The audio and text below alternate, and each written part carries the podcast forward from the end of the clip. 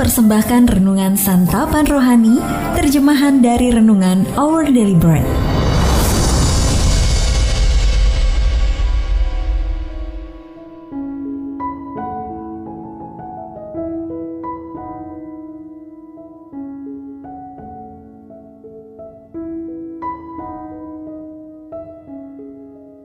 Sahabat UDB, pembacaan Alkitab hari ini terambil dari Roma pasal yang ke-9, ayat yang pertama sampai dengan ayat yang kelima.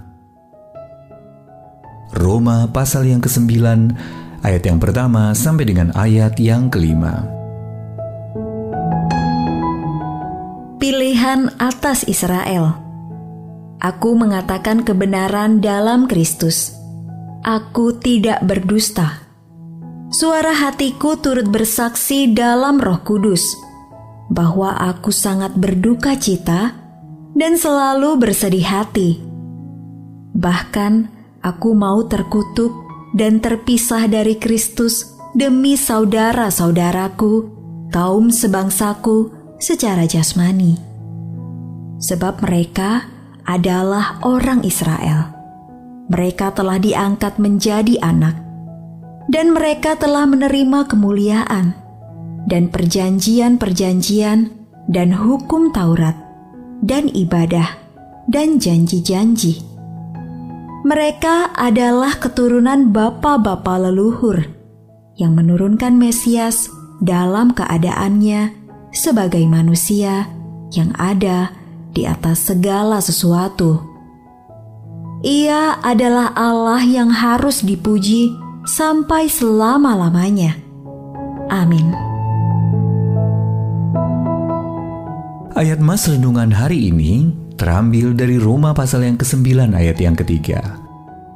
Aku mau terkutuk dan terpisah dari Kristus demi saudara-saudaraku, kaum sebangsaku secara jasmani.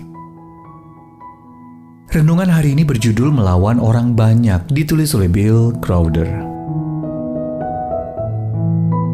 Ada kalanya manusia berani melawan raja-raja yang paling berkuasa dan menolak tunduk di hadapan mereka. Demikian hasil pengamatan filsuf dan penulis Hannah Arendt. Yang menambahkan, namun tidak banyak yang berani melawan orang banyak, yang berjuang seorang diri menentang sekumpulan orang sesat pikir untuk menghadapi kegilaan mereka yang tak kenal ampun tanpa menggunakan senjata. Sebagai seorang Yahudi, Aaron menyaksikan sendiri kenyataan tersebut di negeri asalnya, Jerman. Ada kengerian tersendiri ketika ditolak oleh satu kelompok. Rasul Paulus pernah mengalami penolakan tersebut. Sebagai seorang Farisi dan rabi Yahudi, hidupnya berubah total ketika ia berjumpa dengan Yesus yang telah bangkit. Saat itu Paulus sedang berada dalam perjalanan ke Damsyik untuk menganiaya umat yang percaya kepada Kristus.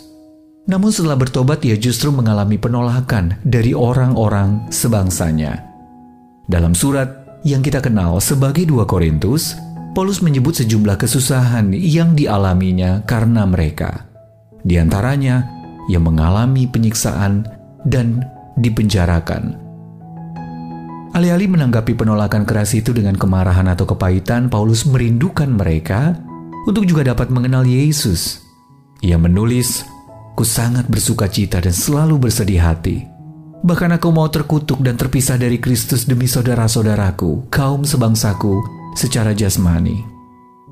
Setelah menyambut kita sebagai anggota keluarganya, kiranya dia juga memampukan kita untuk mengundang pihak-pihak yang memusuhi kita ke dalam hubungan dengannya. Sahabat ODB, bagaimana respon Anda selama ini ketika mengalami penolakan? Dan apa yang membuat penolakan terasa menyakitkan? Mari kita berdoa. Allah Maha Kasih, tolonglah aku menuntun orang lain kepadamu, supaya mereka mendapat tempat dalam kerajaanmu, terlepas dari penderitaan atau kekecewaan yang pernah kualami. Amin.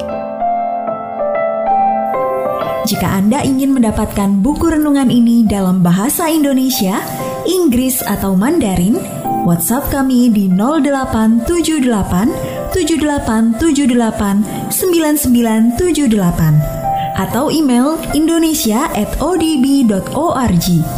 Persembahan kasih dari Anda memampukan Our Bread Ministries menjangkau orang-orang agar diubahkan. Tuhan memberkati.